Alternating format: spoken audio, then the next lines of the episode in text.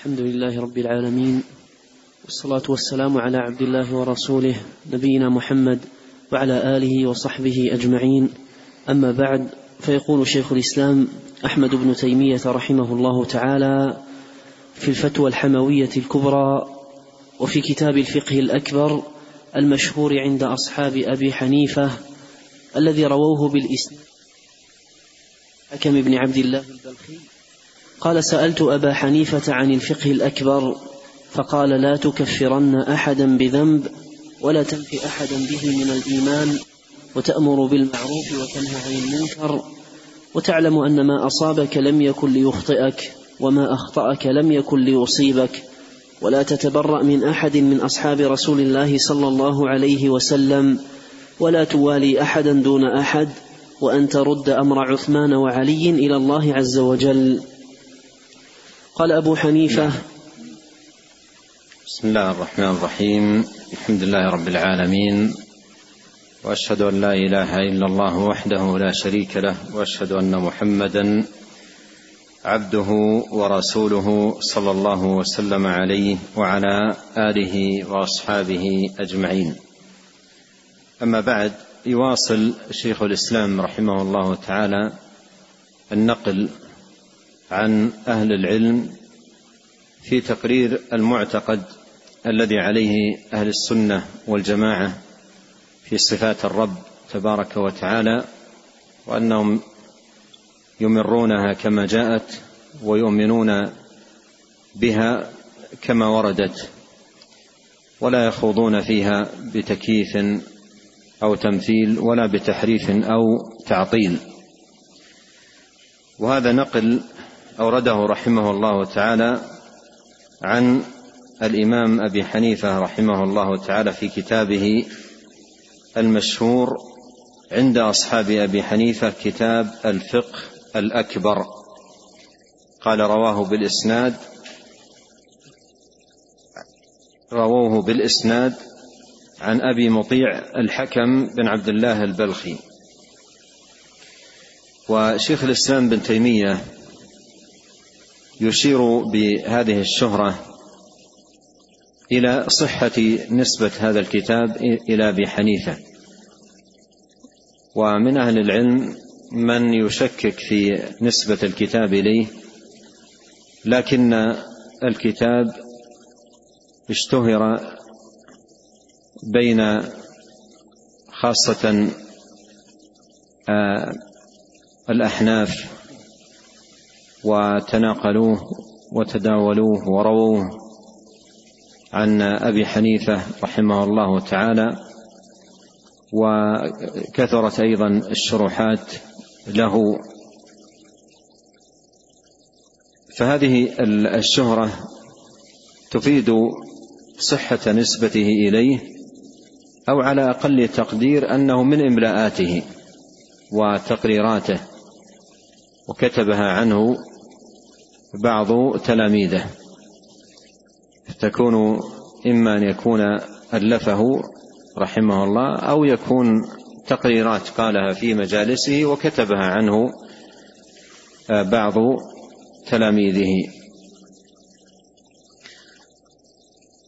قال سألت أبا حنيفة عن الفقه الأكبر.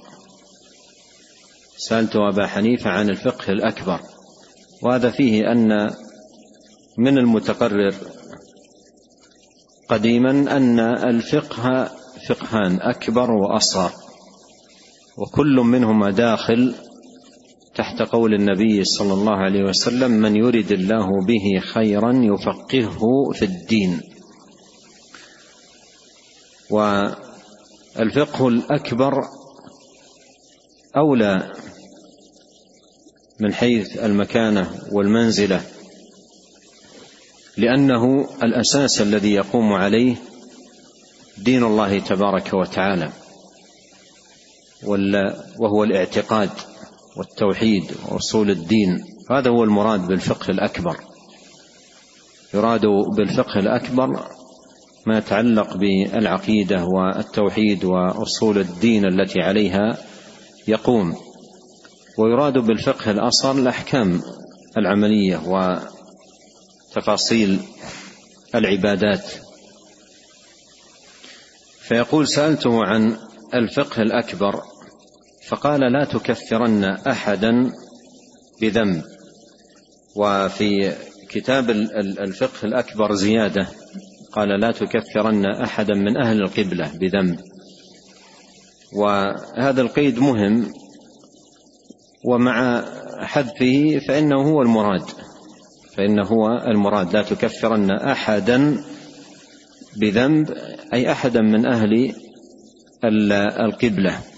والمراد بذنب أي دون الشرك والكفر بالله لأن ذنب الشرك ناقل من الملة ومخرج من الإسلام. إذا كان الذنب كفرا أو شركا أكبر ناقل من الملة فإن من اقترفه يكفر ويخرج من الملة.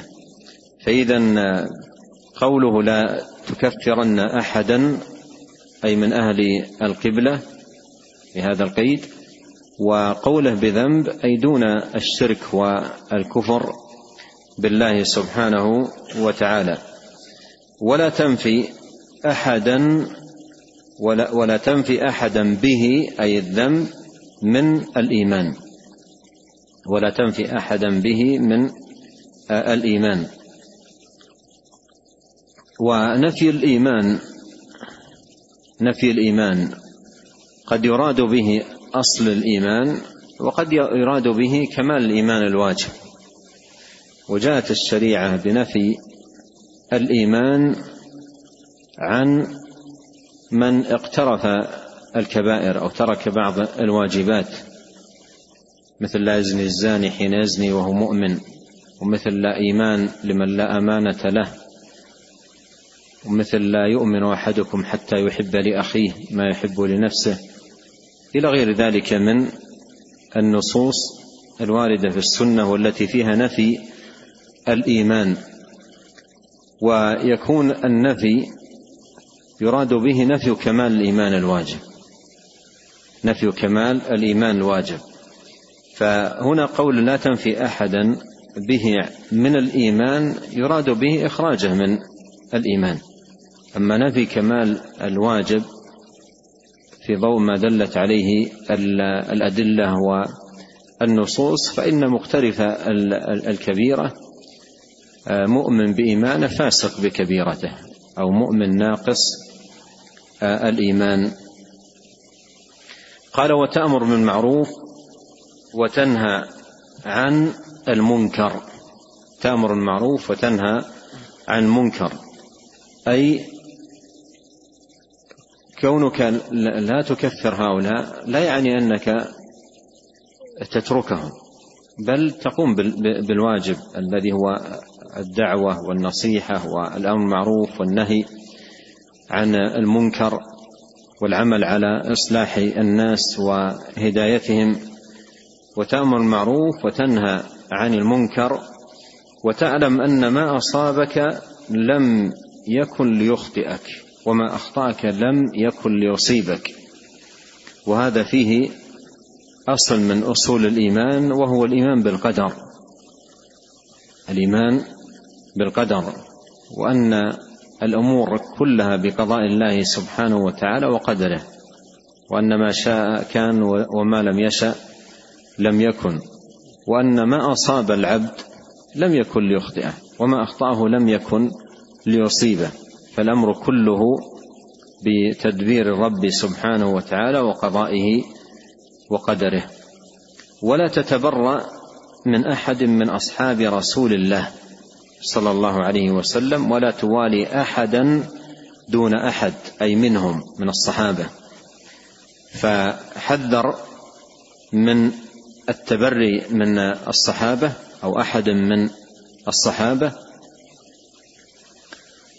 والصحابه كلهم عدول الصحابه كلهم عدول وجميعهم يوالون ويحبون وتعرف لهم مكانتهم وقدرهم ومنزلتهم.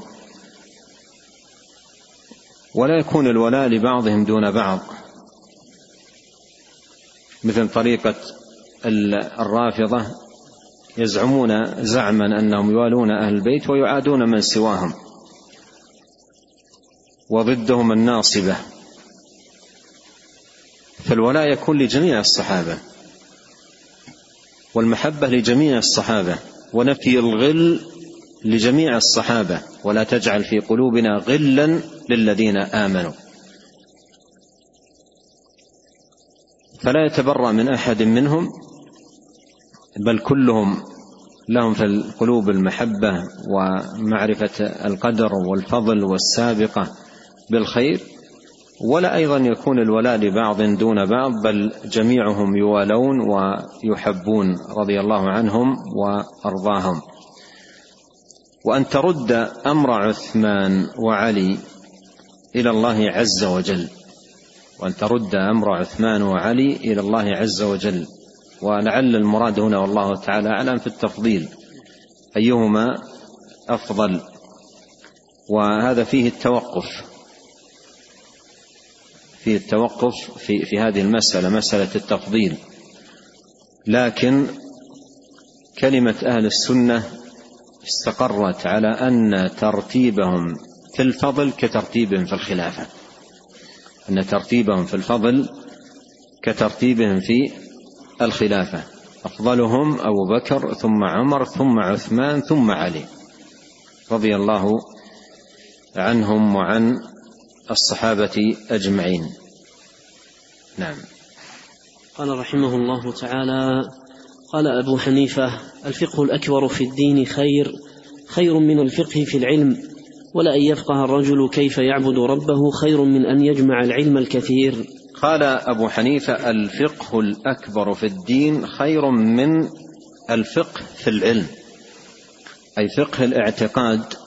والتوحيد وأصول الدين التي عليها يبنى دين الله سبحانه وتعالى وعليها يقام خير من الفقه في العلم. وهذا فيه التنبيه ومر مع النظير ذلك التنبيه على تعلم الإيمان والبدء به. تعلم الإيمان والبدء به قبل الخوض في تفاصيل آه، آه، الأحكام وتفاصيل الشرائع لأن الإيمان هو الأساس الذي عليه يبنى دين الله تبارك وتعالى. فالفقه الأكبر الذي هو أصول الدين وأسس الدين التي عليها يقوم دين الله تبارك وتعالى خير وخير هنا أفعل تفضيل من الفقه في العلم أي في تفاصيل العلم وتفاصيل الأحكام. وهذا فيه تأكيد ما سبق أن الفقه فقهان أكبر وأصغر والأكبر هو الاعتقاد والأصغر هو تفاصيل الأحكام والأكبر آه، خير من الأصغر أي أعلى مكانة وأعظم درجة. وكيف لا؟ وهو الأساس الذي يبنى عليه دين الله تبارك وتعالى. وأعمال العباد مهما كثرت لا تنفعه إلا إذا كانت قائمة على أساس صحيح من آه، آه، أصول والقواعد قواعد الدين التي عليها يقوم. ولأن يفقه الرجل كيف يعبد ربه خير من أن يجمع الكثير من العلم. خير من أن يجمع العلم الكثير. نعم خير من أن يجمع العلم الكثير. أن يعلم كيف يعبد ربه ويعرف الأساس الذي يبنى عليه دين الله وأن عبادة الله بالتوحيد والإخلاص وحسن الاتباع للرسول صلى الله عليه وسلم يعرف كيف يعبد ربه ثم يباشر العبادة مخلصا لله سبحانه وتعالى محسنا التقرب إليه جل وعلا. خير من أن يجمع العلم الكثير. خير من أن يجمع العلم الكثير لأن مقصود العلم العمل. فإذا انشغل الإنسان على الأصول والأسس التي يقوم عليها دين الله وأخذ يجمع العلم الكثير. فهذا لا شك أنه مفرط في الأصل الذي يبنى عليه آه، دين الله ومفرط في العمل الذي هو ثمرة العلم. نعم. قال رحمه الله تعالى قال أبو مطيع قلت أخبرني عن أفضل الفقه. قال تعلم الرجل الإيمان والشرائع والسنن والحدود واختلاف الأئمة. تعلم الرجل. قال تعلم الرجل الإيمان والشرائع والسنن والحدود واختلاف الأئمة. وذكر, مسا وذكر مسائل الإيمان ثم ذكر مسائل القدر والرد على القدرية والقدرية بكلام حسن ليس هذا موضعه. ثم قال قلت فما تقول في من يأمر بالمعروف وينهى عن المنكر؟ فيتبعه على ذلك أناس فيخرج على الجماعة. هل ترى ذلك؟ قال لا. قلت ولما؟ وقد أمر الله ورسوله بالأمر بالمعروف والنهي عن المنكر وهو فريضة واجبة. قال كذلك. ولكن ما يفسدون أكثر مما يصلحون من سفك الدماء واستحلال الحرام.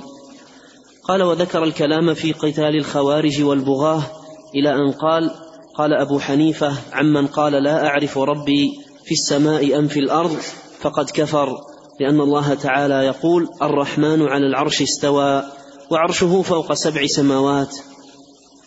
قلت فإن قال إنه على العرش استوى ولكنه يقول لا أدري العرش في السماء أم في الأرض؟ قال هو كافر لأنه أنكر أن يكون في السماء لأنه تعالى في أعلى عليين وأنه يدعى من أعلى لا من أسفل. وفي لفظ سألت أبا حنيفة عمن يقول لا أعرف ربي في السماء أم في الأرض قال قد كفر لأن الله تعالى يقول الرحمن على العرش استوى وعرشه فوق سبع سماوات قال فإنه يقول على العرش استوى ولكن لا يدري العرش في الأرض أو في السماء قال إذا أنكر أنه في السماء فقد كفر. ففي هذا الكلام المشهور عن أبي حنيفة عند أصحابه أنه كفر الواقف الذي يقول لا أعرف ربي في السماء أم في الأرض. فكيف يكون الجاحد النافي الذي يقول ليس في السماء أو ليس في الأرض ولا في السماء؟ واحتج على كفره بقوله تعالى الرحمن على العرش استوى قال وعرشه فوق سبع سماوات. وبين بهذا أن قوله تعالى الرحمن على العرش استوى يبين أن الله فوق السماوات فوق العرش وأن الاستواء على العرش دل على أن الله نفسه فوق العرش. ثم أردف ذلك بتكفير من قال إنه على العرش استوى ولكن توقف في كون العرش في السماء أم في الأرض. قال لأنه أنكر أنه في السماء لأن الله في أعلى عليين وأنه يدعى من أعلى لا من أسفل. وهذا تصريح من أبي حنيفة بتكفير من أنكر أن يكون الله في السماء. واحتج على ذلك بأن الله تعالى في أعلى عليين وأنه يدعى من أعلى لا من أسفل وكل من هاتين الحجتين فطرية عقلية فإن القلوب مفطورة على الإقرار بأن الله في العلو وعلى أنه يدعى من أعلى لا من أسفل وقد جاء اللفظ الآخر صريحا عنه بذلك فقال إذا أنكر أنه في السماء فقد كفر. وروى هذا اللفظ عنه بالإسناد شيخ الإسلام أبو إسماعيل الأنصاري الهروي بإسناده في كتابه في كتاب الفاروق. نعم. قال رحمه الله تعالى قال أبو مطيع قلت أي لأبي حنيفة أخبرني عن أفضل الفقه. قال تعلم الرجل الإيمان والشرائع والسنن والحدود واختلاف الأئمة وذكر مسائل الإيمان ثم ذكر مسائل القدر والرد على القدرية بكلام حسن ليس هذا موضعه. هذا يفيدنا ما أشرت إليه سابقا أن هذا الكتاب في الغالب إملاءات إملاءات كتبت عن أبي حنيفة لا أنه ألفه. وإنما هو إملاءات كتبت عنه مثل سؤالات تطرح عليه ويقيد أجوبته عليها تلاميذه ثم جمعت في هذا الكتاب الذي سمي بالفقه الأكبر. قال ثم قلت له فما تقول في من يأمر بالمعروف؟ وينهى عن المنكر فيتبعه على ذلك أناس فيخرج على الجماعة. هل ترى ذلك؟ قال لا. أي هذه الطريقة في الأمر بالمعروف والنهي عن المنكر ليست طريقة شرعية. وهي مخالفة لشرع الله سبحانه وتعالى. أن يفتات الآمر بالمعروف والنهي عن المنكر على ولي الأمر ويخرج على جماعة المسلمين. هذا ليس من شرع الله. سبحانه وتعالى. بل هذا مزج للحق بالباطل والهدى بالضلال. فالأمر بالمعروف والنهي عن المنكر مطلوب في ضوء ضوابط الشريعة وقيودها المعلومة. أما أن يجعل الأمر معروف والنهي عن المنكر غرضا للخروج على ولي الأمر والافتيات عليه وشق العصا فهذا فهذا باطل. فهذا باطل وليس من دين الله تبارك وتعالى. ولهذا قال لما سأله الرجل يأمر معروف وينهى عن المنكر فيتبعه على ذلك أناس. انظر إلى قوله اتبع على ذلك أناس أي يكون له حاشية وأتباع وأعداد. يتبع على ذلك أناس فلما يكثر الأتباع يستغل هذه الكثرة فيخرج على الجماعة. هل ترى ذلك؟ قال لا. قلت ولما؟ قلت ولما؟ يعني مثل كان يقول أليس المعروف والنهي عن المنكر أم أمر مطلوب شرعا؟ لما؟ قال وقد قال لما وقد أمر الله ورسوله صلى الله عليه وسلم بالامر بالمعروف والنهي عن المنكر. وهو فريضة الإسلام. وفريضه واجبة. يعني لما, لما تنهى عن ذلك؟ قال كذلك. يعني هو فريضة وامر الله به وأمر به رسوله صلى الله عليه وسلم. ولكن ما يفسدون أكثر مما يصلحون. من سفك الدماء واستحلال الحرام. أي ما ما يحصل على هذه على يد هؤلاء في طريقتهم هذه عندما يخرجون على ولي الأمر ويخرجون على جماعة المسلمين ما يحصل على يديهم من الفساد أعظم من الخير الذي هم يعملون على إصلاحه. فمثلا إذا وجد بعض المنكرات من زنا أو سرقة أو شرب خمر أو غير ذلك من المنكرات. ثم وجد جماعة غضبوا غضبة دينية على هذه المنكرات وأرادوا آه، معالجة الوضع في المجتمع وفي البلد. فرأوا أن إنكار المنكر يكون بالطريقة التي أشار إليها يخرجون على ولي الأمر ويقومون هم بمباشرة الإنكار بالأيدي ومثلا بالسلاح ونحو ذلك بغرض المعالجة معالجة الأمر. ما يحصل على يد هؤلاء ما يفعلون هذه الطريقة من الفساد والشر وإراقة الدماء وانتشار الفوضى واختلال الأمن وغير ذلك من المفاسد أعظم من الإصلاح الذي هم بزعمهم يريدون الوصول إليه. ومن قواعد الشريعة أن درء المفاسد مقدم. درء المفاسد مقدم على جلب المصالح. وهذه مفسدة بينة وهذا خلل بين فيه إخلال بالأمن فيه إضرار بالمجتمع فيه شيوع الفوضى. في أيضا تسلط المجرمين عدم استقرار الناس وأمنهم في عباداتهم وطلبهم للعلم ومصالحهم المتنوعة. فيحصل مفاسد لا حد لها ولا حصر ولهذا قال كذلك يعني الأمر معروف والنهي عن المنكر مأمور به شرعا لكن ما يفسدون أكثر مما يصلحون من سفك الدماء واستحلال الحرام. قال وذكر الكلام في قتال الخوارج والبغاة. في قتال الخوارج والبغاة. إلى أن قال قال أبو حنيفة عمن لا أعرف ربي في السماء أم في الأرض. فقد كفر. لأن الله تعالى يقول الرحمن على العرش استوى وعرشه فوق سبع سماوات. وهذا هو موضع الشاهد من سياق هذا الأثر. عن أبي حنيفة رحمه الله تعالى في هذا الموضع.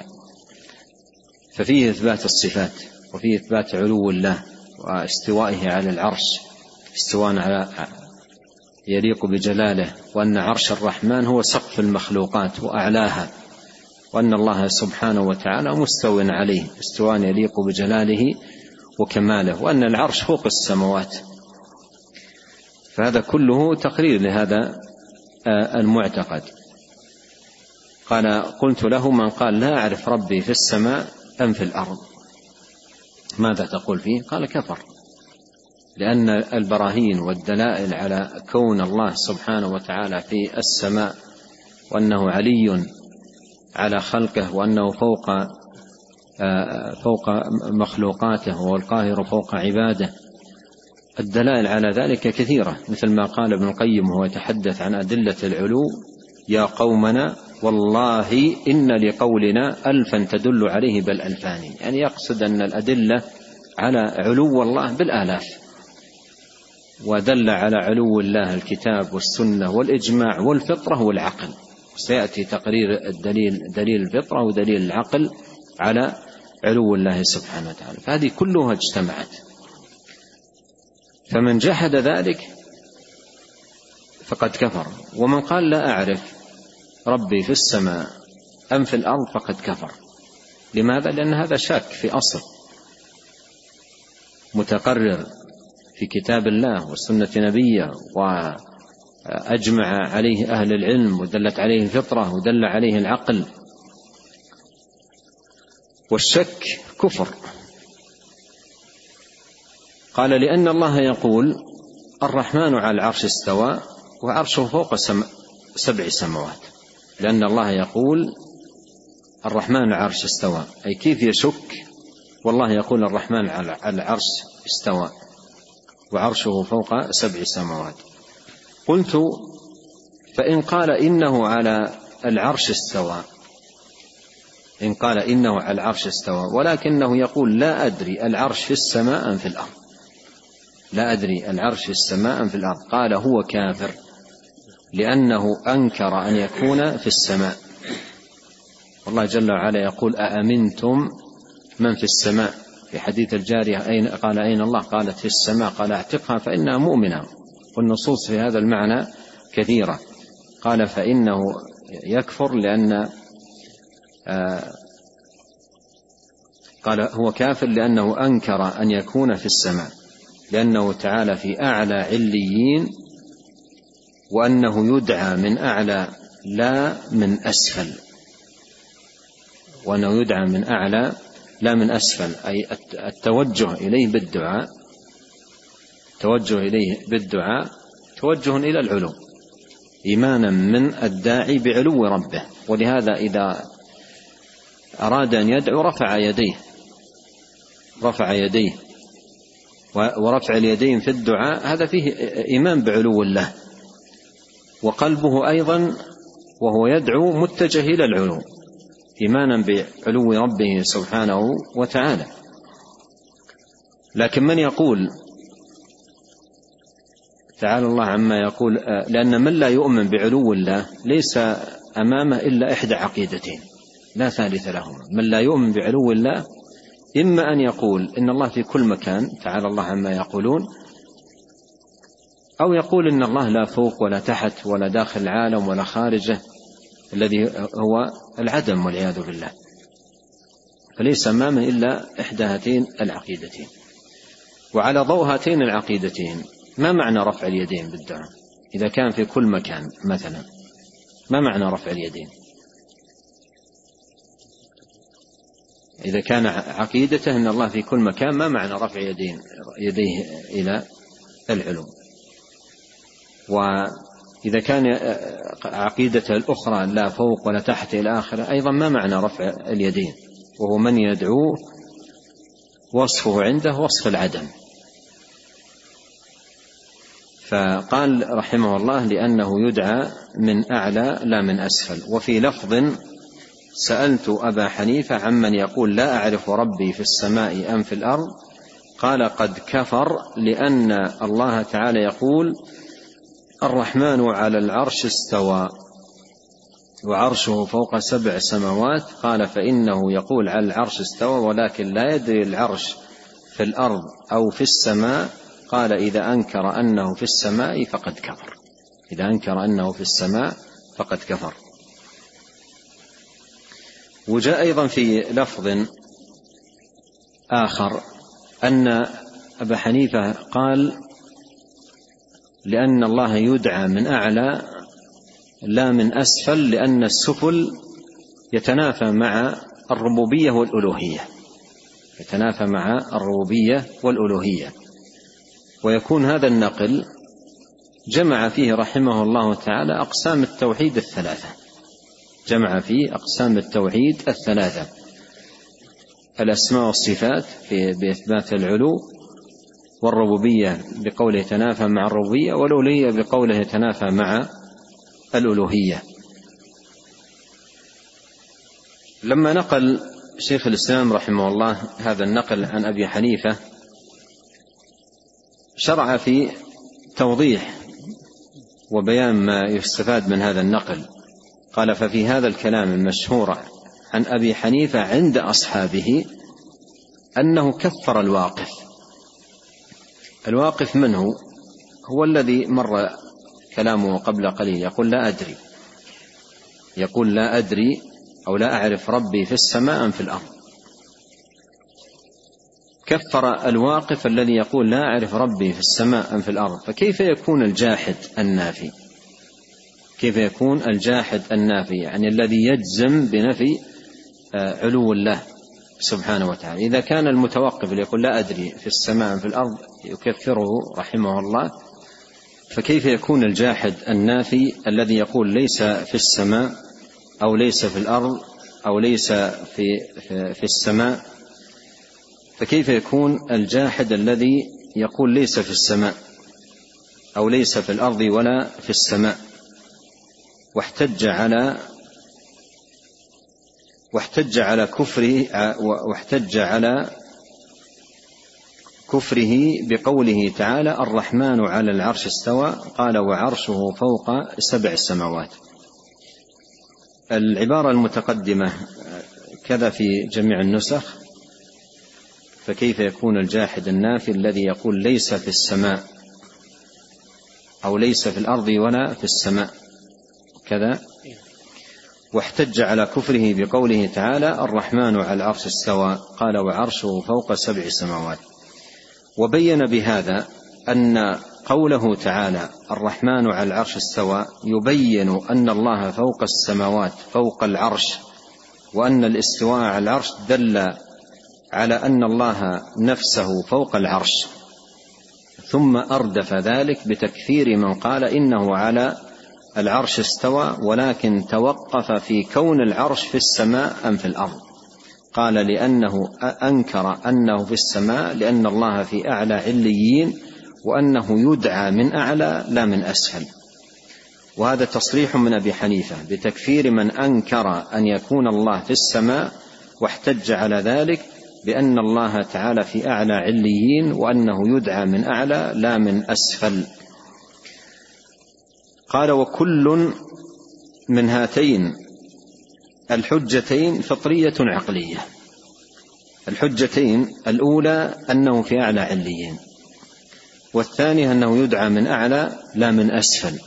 فهاتان الحجتان آه، كل منهما فطرية عقلية. كل منهما فطرية عقلية. معنى فطرية أي دلت عليها الفطرة وهدي إليها الناس بفطرتهم وعقلية أي دل عليها العقل. وذلك أن علو الله سبحانه كما أنه قد دل عليه الكتاب والسنة والإجماع أيضا دل عليه العقل ودلت عليه الفطرة. والمراد هنا العلو. أما الاستواء أما الاستواء فهو من الصفات الخبرية. التي إنما تعلم بالخبر. أما العلو علو الله سبحانه وتعالى فهو صفه عقلية أي دل عليها العقل ودلت عليه الفطرة إضافة إلى دلالة الكتاب والسنة والإجماع عليها. بين رحمه الله ذلك بقوله فإن القلوب مفطورة على الإقرار بأن الله في العلو وعلى أن الله يدعى من أعلى لا من أسفل. وهذا تقرير للحجتين. القلوب مفطورة على الإقرار بأن الله في العلو فهذه حجة عقلية. العقل آه، حجة فطرية أي دلت الفطرة على ذلك. وحجة أيضا عقلية قال وعلى آه، وعلى أن الله يدعى من أعلى لا من أسفل. فكونه يدعى من أعلى لا من أسفل وكونه في أعلى عليين كل من هاتين آه، الحجتين عقلية في فطرية. قال وقد جاء اللفظ الآخر صريح آه، صريحا عنه بذلك فقال إذا أنكر أنه في السماء فقد كفر. إذا أنكر أنه في السماء فقد كفر. قال وروى هذا اللفظ عنه بالإسناد شيخ الإسلام أبو إسماعيل الأنصاري الهروي بإسناده في كتابه الفاروق. ونكتفي بهذا القدر ونسأل الله الكريم رب العرش العظيم أن ينفعنا أجمعين بما علمنا وأن يزيدنا علما وأن يصلح لنا شأننا كله وأن لا يكلنا إلى أنفسنا طرفة عين وأن يغفر لنا ولوالدينا ولمشايخنا وللمسلمين والمسلمات والمؤمنين والمؤمنات الأحياء منهم والأموات. إنه تبارك وتعالى غفور رحيم. سبحانك اللهم وبحمدك أشهد أن لا إله إلا أنت أستغفرك وأتوب إليك. اللهم صل وسلم على عبدك ورسولك نبينا محمد وآله وصحبه أجمعين.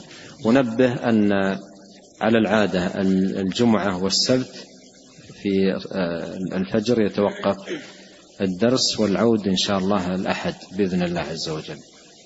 جزاكم الله خيرا.